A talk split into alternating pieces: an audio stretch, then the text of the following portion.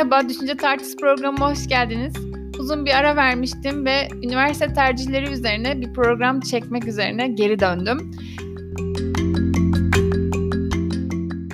Yaklaşık bir haftadır ülkede inanılmaz üzücü yangın haberleri var ve ben de Bodrum'da yaşıyorum. O yüzden sıklıkla hem sosyal medyada hem de genel çevremde yangınlar ve üzücü işte Türkiye'nin siyasi durumu üzerine konuşuluyor. Ancak e, aynı zamanda bu dönemde üniversite tercihi yapacak olan bir sürü genç var ve bence bu yangınlar veyahut da siyasi durumlar aslında en çok onları etkiledi. Çünkü bu dönemde zaten ben e, eğer ki bu konuda depresifsem onların ailesi de aynı şekildedir ve nasıl bir ümit olabiliriz onlara, nasıl bir umut verebiliriz? Bilemedim. Ben de dedim ki en güzeli beslenme diyetetik okudum ve insanlar bu bölümü tercih etmek istiyor olabilir. Oldukça popüler bir bölüm şu sıralar. O yüzden genel ve kendi görüşlerimi içeren bir bölüm çekmek istedim beslenme diyetetik üzerine. Şimdi beslenme ve diyetetik bölümü 4 yıllık bir bölüm. Ben İstanbul Medipol Üniversitesi ve Hacettepe Üniversitesi'nden mezunum. İlk e, iki senemi Medipol Üniversitesi'nde okudum. Sonra bir sene Hacettepe'de okudum. Tekrar Medipol'den geri dönüp mezun oldum. Daha yüksek lisansımı yapmadım ama yapmayı düşünüyorum. Bu bölüm 4 yıllık bir bölüm. Ee, ben bölümü isteyerek seçmedim. Ee, beni dershanedeki rehber hocam yönlendirdi. Ve ben bu bölüm hakkında hiçbir şey bilmeden seçtim. Size hani benim yaptığımı yapmayın podcast aslında bu. Çünkü ben böyle yaptım ama keşke bilerek seçseydim. Ancak şöyle düşünüyorum. Bu bölüm özellikle kızların, kadınların tercih ettiği bir bölüm. Bizim sınıfımızda yaklaşık 90-95 kız vardı ve 3 tane erkek vardı. Genelde kızların tercih ettiği bir bölüm olarak biliniyor. Hacettepe'de de böyleydi. Orada da daha az erkek sayısı vardı. Ve ben şunu düşünüyorum. Kızların bu bölümü istemeyerek tercih etse de aslında e, mutlaka beslenmeyle bir hikayesi olan kişi hani buraya giriyor gibi gözümde bir e, şey var. Ya da bu konuya gerçekten girdikten sonra inanılmaz böyle yayılmaya başlıyoruz. Hani kendi hayat hikayemizde de. Bu nasıl oluyor? Ben bölümü tercih ederken bölümü bilmiyordum ama küçüklüğümden beri böyle zayıf, böyle inanılmaz hani sağlıksız bir zayıflıkta olan bir kızdım. Ve herkes bana hani kuş gibi mi yiyorsun, ne yiyorsun, hiçbir şey yemiyorsun. Hani gerçekten kötü duruyordu görüntüm artık hani sağlıksız bir zayıflıktaydım. O yüzden ben beslenme konusunda bir altyapıya sahiptim. Böyle hani yemekler, yemek tercihlerim, sevdiklerim, sevmediklerim, hangileriyle aram iyi falan. Hani bu konu benim için önemli bir konuydu hayatımda. Sonrasında bölümü tercih ettim. Şimdi Ayşe Baysal'ın hikayesini okudum bu bölümü çekmeden önce. Ayşe Baysal bizim bölümün kuruluşundan ilerlemesine kadar e, destekçi olmuş bir kişi ve köy enstitüsünde yetişmiş aslında çağdaş bir e, Türk kadını o dönemlerden gelen ve bizim bölümümüz yani beslenme diyetetik çok eski bir bölüm değil. 1962 yılında ilk Hacettepe'de kurulmuş. Bölümün işte kurucularına destek olan kişi Ayşe Baysal da e, zamanında inanılmaz zayıf olan ve köyde hiçbir işi yapamayacağı düşünülen ve bu yüzden de köy enstitüsüne gönderilen bir kız. Yani o dönemde köy enstitüsü e, daha işte üniversite okumak gibi böyle havalı ve e, üst düzey bir şey olmaktan ziyade kızların gönderilmek istemediği bir yermiş aslında ve köyde işe yaramayan kızlar oraya gönderiliyormuş. Ayşe Baysal 2016 yılında vefat etti. Mekanı cennet olsun diyorum ve gerçekten iyi ki de bu işi yapmış diyorum. Çünkü ben beslenme diyetetiği istemeden seçsem de şu an çok sevdiğim bir meslek olarak görüyorum ve e, Ayşe Baysal'ın da gerçekten sevdiğini yaşlandığı son yani ölüm dönemine kadar bu meslekle kendini yetiştirdiği için onda o sevgisini görebiliyorum. Bize ümit olmuştu gerçekten onun sevgisi. Çünkü son zamanlarda beslenme ve diyetetikten mezun olan kişilerin halleri de ortada. Ne demek istiyorum? Şimdi bu bölüm 4 yıllık bir bölüm. Ancak girdiğiniz ilk aşamadan e, mezun olduğunuz ve hayatınızı sürdürdüğünüz son aşamaya kadar şu anda eskisi gibi insanların hani besin ve beslenme diyet hakkında bilgisizliğinden ziyade inanılmaz bilgili olması sizi çok yoruyor. Çünkü bu bölümü okuduğunuz süre boyunca zaten diyet diyet yaptıran kişi olarak görünüyorsunuz. Yani bizim işte besin hazırlama laboratuvarlarında uğraştığımız tariflerden, hastalıklardan, o işte ketojenik diyetin e, hasta kişilerde kullanılmasından tutun da gördüğümüz birçok anatomi, fizyoloji vesaire dersinden ziyade sadece zayıflatan kişi olarak görünüyorsunuz ve bu benim için çok yıpratıcıydı. Bence eğer ki idealist davranıyorsanız ve kendinize göre bir vizyonunuz varsa bu gerçekten yorucu oluyor. Ama bölüme ben para kazanacağım ve diyetisyenler çok para kazanıyor amacıyla giriyorsanız da memnun olabilirsiniz. Yani bu iki uç nokta. Çünkü e, bu, bu istekle giren kişiler de var biliyorum. Öncelikle bu bölümü neden tercih ediyorsunuz? Onu bir düşünebilirsiniz. Eğer ki para kazanma amacıyla yapıyorsanız benim tercihim, benim vizyonum bence girmeyin bu bölüme. Çünkü bu bölüm o zevkle yapılıyorsa başka yol, şeylere yol açıyor. Onu tercih etmenizi istemem. Ee, eğer ki beslenme ve diyetetiği bilim olarak sevdiyseniz, beslenmenin bir bilim olduğuna inanıyorsanız ve sadece yoğurt çorbası ve işte kabak diyeti falan yaparak insanlara kilo verdirmeyeceğinize güveniyorsanız, para kaygınız yoksa, para kaygımız hepimizin var bu arada Türkiye'de ama e, bu konuda biraz daha elinizi vicdanınıza koyup hani her parayı para olarak görmüyorsanız o zaman bu bölümü tercih edebilirsiniz diye düşünüyorum. Kızlar için de güzel bir meslek, erkekler için de güzel bir meslek. Neden erkeklerin tercih etmediğini bilmiyorum ama aslında erkekler bu meslekte daha fazla tercih edildiğini görüyoruz. Yani daha iyi noktalara kolay gelebildiğini görebiliyoruz. Özellikle diyet diyetisyen olduğunda. Ee, bölüme girdiğinizde 4 yıllık ve ilk senesi e, genelde teorik anlamda kimya, biyoloji, anatomi bu derslerle geçiyor. Eğer bunlarla aranız iyi değilse ilk sene çok kötü geçiyor. Hani benim için çok kötüydü. Çünkü ben hiç sevmiyordum. Anatomiyi de sevmiyordum vesaire. Yani e, bunlar benim alanım değildi. Ben daha çok matematik ve Türkçe yani matematik seviyordum. Matematik, geometri falan seviyordum. Kimya, biyoloji çok alanım değildi. O yüzden e, ben ilk sene çok zorlandım. Ee, bölüm kolay bir bölüm değil. Herkesin gözünde genelde diyetisyenlikle ilgili çok kolay olduğu ile ilgili bir yargı var. Neden bilmiyorum. Ama ilk sene gerçekten kolay değil. Zaten herkesin havuz dersi olan edebiyat, inkılap gibi dersleri alıyorsunuz. Yani bunu hangi bölüme giderseniz gidin size veriyorlar. O dersleri alıyorsunuz. Aynı zamanda İngilizce dersi vesaire de alıyorsunuz. Medipol'de İngilizce değil bölüm. İngilizce okutulan bölümler de var. O konuya geleceğim. Ee, bu dersleri aldıktan sonra ikinci senenizde müfredatı e, daha geniş kapsamlı bir hale çekiyorlar. Yani daha tıbbi, daha beslenme kimyası, beslenme biyokimyası vesaire bu konulara girmeye başlıyorsunuz.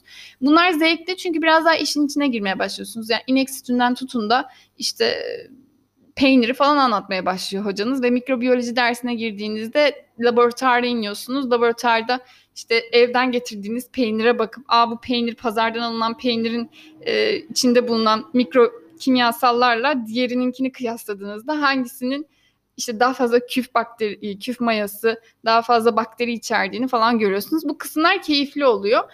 Ee, tabii ki bunu yapabilmek için de o imkana sahip olan okulları tercih etmeniz lazım. En büyük sıkıntı Türkiye'de devlet üniversitesi olarak üniversite çok az var beslenme ve diyetetikte. Olanlar da çok yeni. Yeni oldukları için kadroları daha oturmamış ve laboratuvarlar da daha oturmamış oluyor. O yüzden o konuda zorluk çekebiliyorsunuz. Ama ben üniversitemden gerçekten çok memnun kaldım. Yani İstanbul Medipol Üniversitesi beslenme ve diyetetik bölümünün benim dönemimin hocaları da laboratuvar imkanları da dersleri de gerçekten güzeldi. Şansıma 3. yılda da Hacettepe'ye geçiş yaptığım için en önemli derslerin olduğu 3. seneyi orada gördüm. Müfredatına bakmanızı öneririm tercih edeceğiniz okulların. Çünkü okullarda e, müfredat önemli oluyor bizim açımızdan. Çünkü teorikten pratiğe kademe kademe çıkması lazım. Yani birinci sene dediğim gibi kimya, biyoloji, Türk edebiyatı vesaire o kadar havuz derslerini görüyorsunuz. İkinci sene biraz da beslenme alanında. Üçüncü sene ise ben Hacettepe'ye gittiğimde e, hastalıklarda diyet yani hastalıklara yazılan programlar nasıl olmalı, diyet nasıl yazılmalı, yani hastalıktan bahsediyorum zayıflama diyeti değil. E, bunlardan bahsediliyor ve toplu beslenme sistemleri yani mutfakta çalışırsanız mutfakta ne yapmanız gerekiyor? Konular neler? Neyle ilgilenir diyetisyen? Onlardan bahsetmeye başlıyorlar. Yanlış hatırlamıyorsam e, bir çocuk beslenmesi de var. Bir, bir, bir konu daha vardı ama hatırlayamıyorum şu anda. Çocuk beslenmesi de oldukça önemli ve geniş bir alan. Bu kademeyle ilerlediğinizde gayet rahat ilerliyorsunuz. Ama bildiğim kadarıyla bazı üniversiteler ikinci sınıftayken bunu gösteriyor ve bu çok saçma. Hani daha o dersi almadan, tıbbi dersleri almadan bu hastalıkları gördüğünüzde iki yıl sonra mezun oluyorsunuz zaten. O zaman unutuyorsunuz. Ama üçüncü seneden sonra dördüncü senede zaten stajla bunu pekiştirip ardından mezun olduğunuzda gayet aklınızda kalıyor çoğu şey. Ee, dediğim gibi dersler kolay değil ama yani hani e, hastalıklarda diyet, işte çocuk beslenmesi vesaire sınava girdiğinizde hani bir soru, bir boş kağıt, bir soru, bir boş kağıt şeklinde böyle hesap makinenize oturup tek tek tek tek yazıp hesapladığınız bir sınava giriyorsunuz. Ve bence kolay değildi hastalıklarda diyet kısmı şeyde Hacettepe'deyken. Medipol'de o sırada arkadaşlarımla da konuşuyordum. Onlar da aynı şeyden yakınıyordu. Ee, girdiğiniz üniversitede şunlara dikkat etmeniz gerekiyor. Birincisi müfredatın sıralaması. Müfredatlar nasıl? Birinci, ikinci, üçüncü, dördüncü sınıfta. Bunu zaten açıkça paylaşıyor e, üniversite siteleri, internet sitelerinde. Birincisi bu. İkincisi akademik kadrosu. E, akademik kadrosuna diyetisyen var mı? Şeye dikkat edin girdiğinizde çok komik bir şekilde beslenme diyetetik bölümünde diyetisyen olmuyor. Ve bu böyleyse eğer size öğretecekleri şeyler nasıl diyetisyenlikle alakalı olabilir inanın bilmiyorum. Böyle bir bölümden mezun olan bir arkadaşınız varsa hani belki bana yazar ben de paylaşırım nasıl olduğuna dair. Mesela veteriner oluyor, biyokimyacı oluyor, kimyacı oluyor, eczacı oluyor, tıpçı oluyor falan. Hani bunlar beslenmeyi bilmeyen insanlar, insan beslenmesini. O yüzden onlardan alabileceğiniz bilgi sınırlı olur mutlaka kadrosunda beslenme ve diyetetikten mezun olmuş araştırma görevlisinden tutun da en azından bir doçentin olması gerekiyor. Hem sizi anlayabilmesi için hem de size mesleği güzel anlatabilmesi için. Bir diğer nokta üniversiteyi seçerken devlet üniversitesi olması önemli mi? Hacettepe olması önemli mi? Ben ikisini kıyaslayabildiğim bir üniversite eğitimi geçirdim. Hacettepe Üniversitesi'nde şöyle bir fark var. Eğer ki puanınız hani iyiyse ve Hacettepe'yi mi tercih etsem, Gazi'yi mi falan o noktadaysanız Gazi'yi bilmiyorum ama Hacettepe'nin çok oturmuş bir kadrosu var. Yani tıkır tıkır işleyen bir sistemi var. E, konular öyle, müfredat öyle, hocalar öyle. Kendi alanlarında hep uzmanlaşmış hocalar. Yani sporcu beslenmesi üzerine ders alıyorsunuz. Bilin ki o dersi gerçekten sporcu beslenmesi üzerine uğraşmış bir kişi veriyor. Gıda katkı maddelerinden ders alıyorsanız evet o kişi de onunla uğraşmış oluyor. Hani akademik anlamda kendilerini akademiye indekslemiş ve böyle idealleri gerçekten o alanda ilerleyen kişiler oluyor. Ama özel üniversitede şöyle bir fark var. Akademik kadro sürekli değişebiliyor. Yani hem parasal anlamda hoca gidebiliyor vesaire. Hani sıkıntılar oluyor falan. Hep sıfırdan bir düzen, sıfırdan bir şey geliyor karşınıza ve o biraz yorucu olabiliyor. İstanbul Medipol'de bu çok yoğun değildi ancak Hacettepe ile kıyasladığımda Hacettepe daha rahattı. Yani ben hani kafam rahat ve güveniyordum. E, bu Hacettepe olduğu için değil gerçekten bölümün kendini oturtmuşluğu, kendi düzeni sayesinde. E, onlar da haklı yani 1960'larda kurulmuş. Metropol 2 2010'larda mı 2009'da mı ne kurulmuş? Yani arada bir fark var tabii ki böyle de olması gerekiyor. O yüzden kuruluş tarihine belki bakabilirsiniz. Yani çok yeni açılmış daha ilk senesiyseniz zaten kesinlikle tercih etmeyin. Yani ilk senesi siz gidiyorsanız yok. O ondan çok ümitli olmayın ve orayı tercih etmeyin. E, staj kısmı Stajda bizim üniversitenin hastaneleri vardı. Hacettepe'nin de hastaneleri var. Hastaneleri olan bir üniversitede eğitim almanız kolay. Çünkü e, stajla uğraşmayacaksınız. Gideceğiniz yer belli. Birçok hastanesi oluyor, alt hastaneleri oluyor, ismi farklı olan vesaire. Hani gidip hepsinde staj yapma imkanı sağlıyorlar size. O yüzden uğraştırmıyor sizi. Başka üniversitelerde olan birçok stajyerim gelip hani staj için hastane arıyorum ve bulamıyorum diyordu. Çünkü beslenme diyetetiğe katılan insan sayısı yani öğrenci sayısı tercih eden gittikçe arttıkça e, stajda da yer bulmak zorlaşıyor. Ve son konumuz e, hem İngilizce olması bölümün hem de mezun olduğunda ne yapacağım? İngilizce olması bölümün bence güzel. E, İngilizcenizi hem geliştirmek istiyorsanız hem de yurt dışında yüksek lisans yapmak istiyorsunuz bir başlangıç olmuş oluyor. Hiç uğraştırmadan siz üniversiteden sonra İngilizceyle direkt başlarsınız. Ama Türkçe bölüm okuyan herhangi bir üniversite öğrencisi de İngilizceyi bilmek zorunda yani bu öyle İngilizce bölüm okumadım o yüzden bilmiyorum diye bir bahane sunulacak bence bir şey değil. Tamam Türkiye'de İngilizce eğitimi çok iyi olmasa da üniversiteden mezun olmuş her kişinin İngilizce bilmesi gerekiyor. Yani bu bir zorunluluk bence. E, çünkü makale okuyacaksınız İngilizce, e, dergi okuyacaksınız İngilizce, konferansa katılmak isteyeceksiniz İngilizce terimler olacak. Hani anlamadan ilerlerseniz bir noktada bir yere kadar çıkabilirsiniz diyetisyenlikte. Daha ilerisi olmaz, açılamazsınız. Yani o bildiğiniz şeylerde kalırsınız. E, diğeri de mezun oldunuz. Beslenme ve diyetetik bölümünü bitirdiniz. Size nasıl kapılar açılıyor? Bu bölüm size ne sağlıyor? Ve para kazanılıyor. en merak edilen kısım. Diyetisyenlikte çok para kazanılabiliyor mu? Evet kazanılabilir. Hani bu sizi gerçekten bu bölüme itecek şeylerden bir tanesi ise evet kazanabilirsiniz. Diyetisyenliğin çok kapısı var mı? Çok kapısı var. Gerçekten yani ben podcast yapıyorum örnek veriyorum. Diyetisyenim ve podcast yapıyorum. Her bölümden mezun olan bunu yapabilir mi? Hayır sanmıyorum çünkü elektrik elektronik mezunu birisi mesela podcast üzerine sosyal medyada ne yapabilir? Hani böyle düşünün. Bu beslenme bölümü gerçekten hayata dair birçok konuyu içerdiği için ve kendinizi geliştirme imkanını çok fazla sunduğu için hani beslenmeden tutun beslenme psikolojisi, sporcu beslenmesi, işte zayıflama programları vesaire çok geniş. Yani beslenme hayatın çok temel bir noktası. O yüzden çok geniş bir alan. O yüzden kapılarınızı kendiniz bile açabiliyorsunuz. Hani bu podcast oluyor, işte sosyal medya vesaire oluyor. Akademik anlamda ilerlemek isteyenler için de çok geniş. Çünkü beslenme diyetetik mezununa gerçekten çok ihtiyaç var. Akademi anlamında hani doktorasını yapmış ve bu konuya kendini, e, hayatını akademiye vermek isteyen çok ihtiyaç olan çok insan var. E, çünkü dediğim gibi veterinerlikten mezun olanlar bizim bölümümüzü yönetiyor. Çünkü profesör yok. Yani gerçekten yok. Az. Olsa da az. O yüzden de e, tercih ettikleri başka bölümlerden oluyor. E, bu kadar bölüm açılıyorsa o zaman akademik imkanınız da çok geniş. Özellikle akademisyen olmak isteyenler için bu bölümü kesinlikle öneririm. Ben kendimde düşünüyordum. Hala düşünme aşamasındayım ama hayat şartları bazen bunu zorluyor. Üniversitedeyken buna karar vermeniz gerekiyor gerçekten.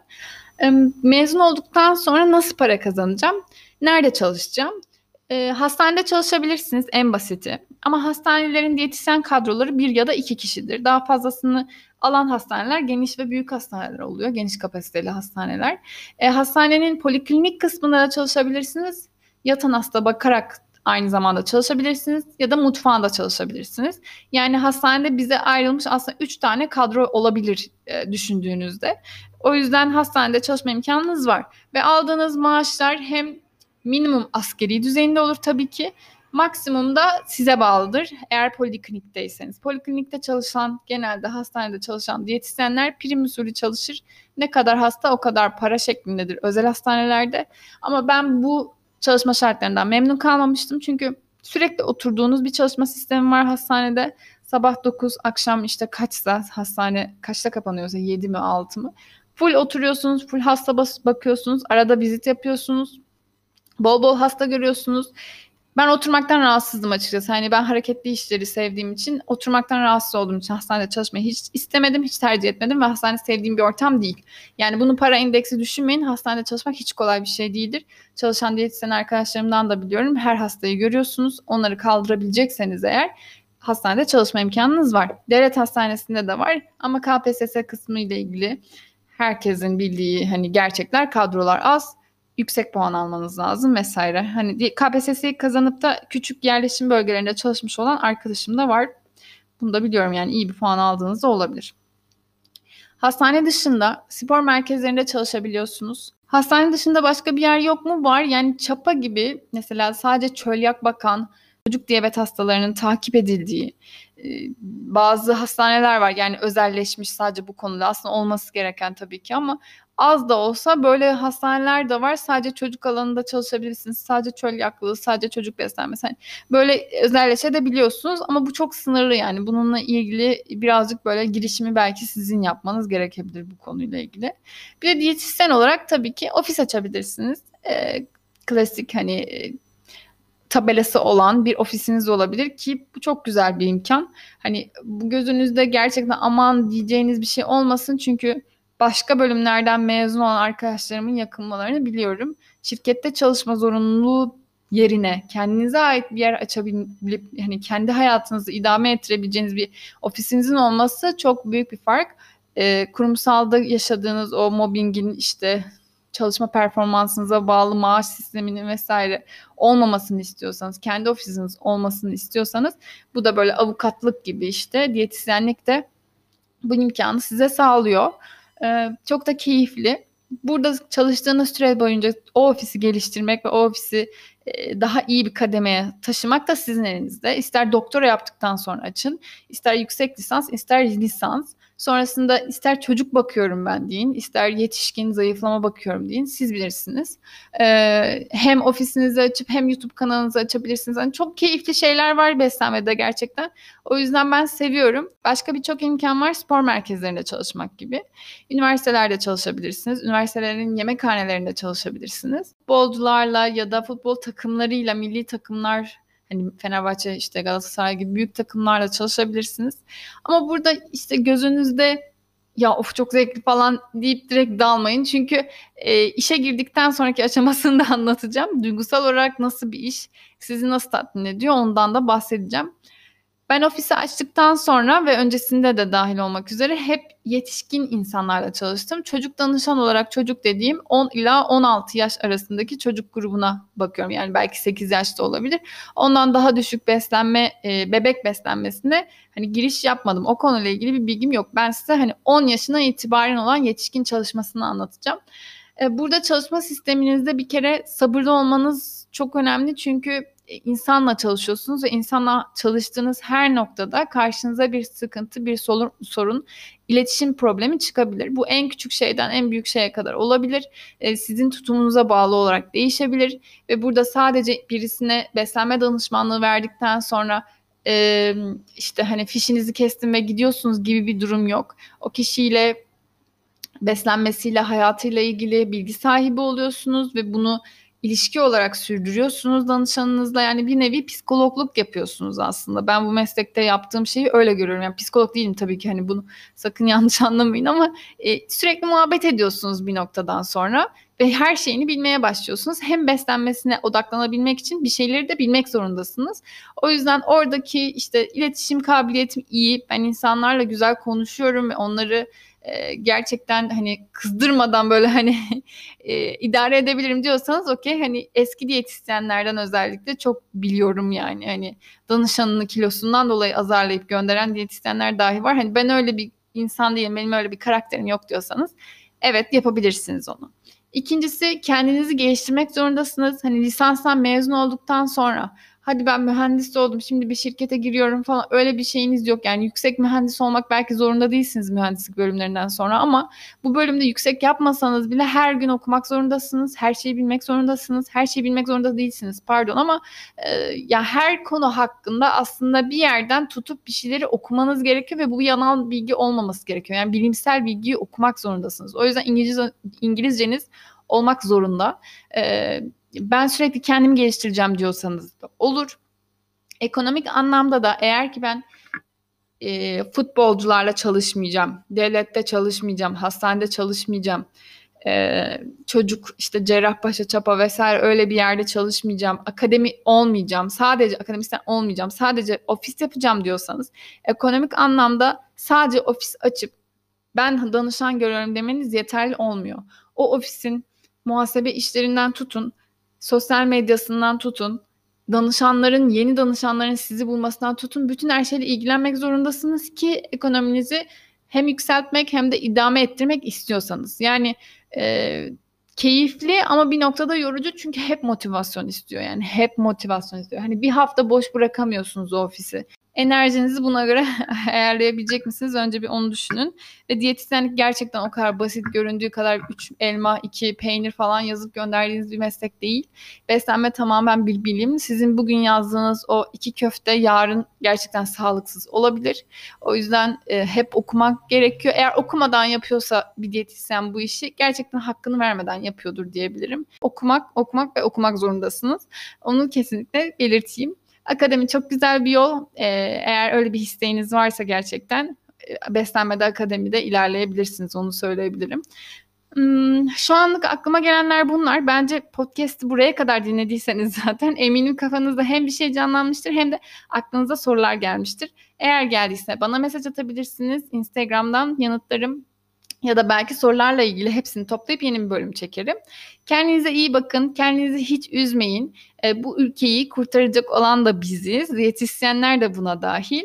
E, bu ülkede yetiştirecek yeni insanlar, yeni doğru siyaset yapan doğru kişiler de biz olacağız. O yüzden ormanlarımızı da biz koruyacağız. Bu konuyla ilgili e, kesinlikle ümidinizi kaybetmeyin. Para kazanamayacağım diye düşünmeyin. Bu ülkede valla herkes çok güzel paralar kazanıyor. Siz de kazanırsanız hangi bölümü okursanız okuyun. Hakkınızı, işinizi, mesleğinizi güzel yaparak nasıl para kazanacağım diye üzülmeyin. Her şeyin bir yolu var. Ümidinizi kaybetmeyin. Size üniversite tercihleri esnasında bol şans diliyorum.